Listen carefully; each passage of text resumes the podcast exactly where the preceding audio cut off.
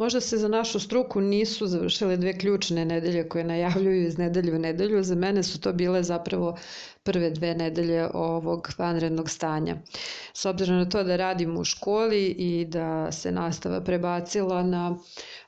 u online varijantu, bilo mi je jako nezgodno i teško i psihički sam najteže podnela prvu nedelju vanrednog stanja jer je trebalo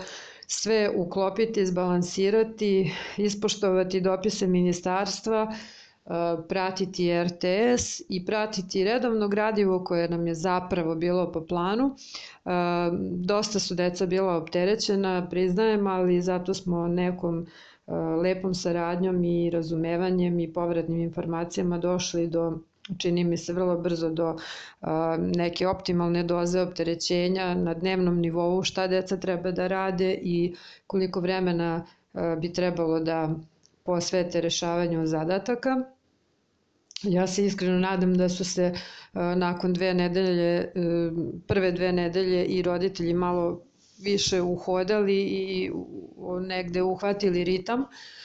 svakako smo u svakodnevnoj komunikaciji, pošto imam drugi razred osnovne škole i ove, sa roditeljima svakodnevno komuniciram i to mi i pregleda mailove koji mi šalju naravno, tako da mi to oduzima dosta vremena u toku dana, ali u suštini nije problem i ne želim se zato što bi mi veći problem bio da nemam šta da radim. E, mimo svog posla koji obavljam svaki dan, počela sam eto da koristim ovaj višak vremena kod kuće da uh, istražujem nove recepte, da eksperimentišem u kuhinji, da malo menjam način ishrane i da redovno vežbam ujutru i uveče u nekih 10 do 15 minuta svakodnevno što možda nije mnogo kada se pogleda, ali meni lično daje rezultate, zadovoljna sam kako se osjećam. Naravno, jedva čekam da se sve ovo završi i da druženje sa društvenih mreža prenesemo u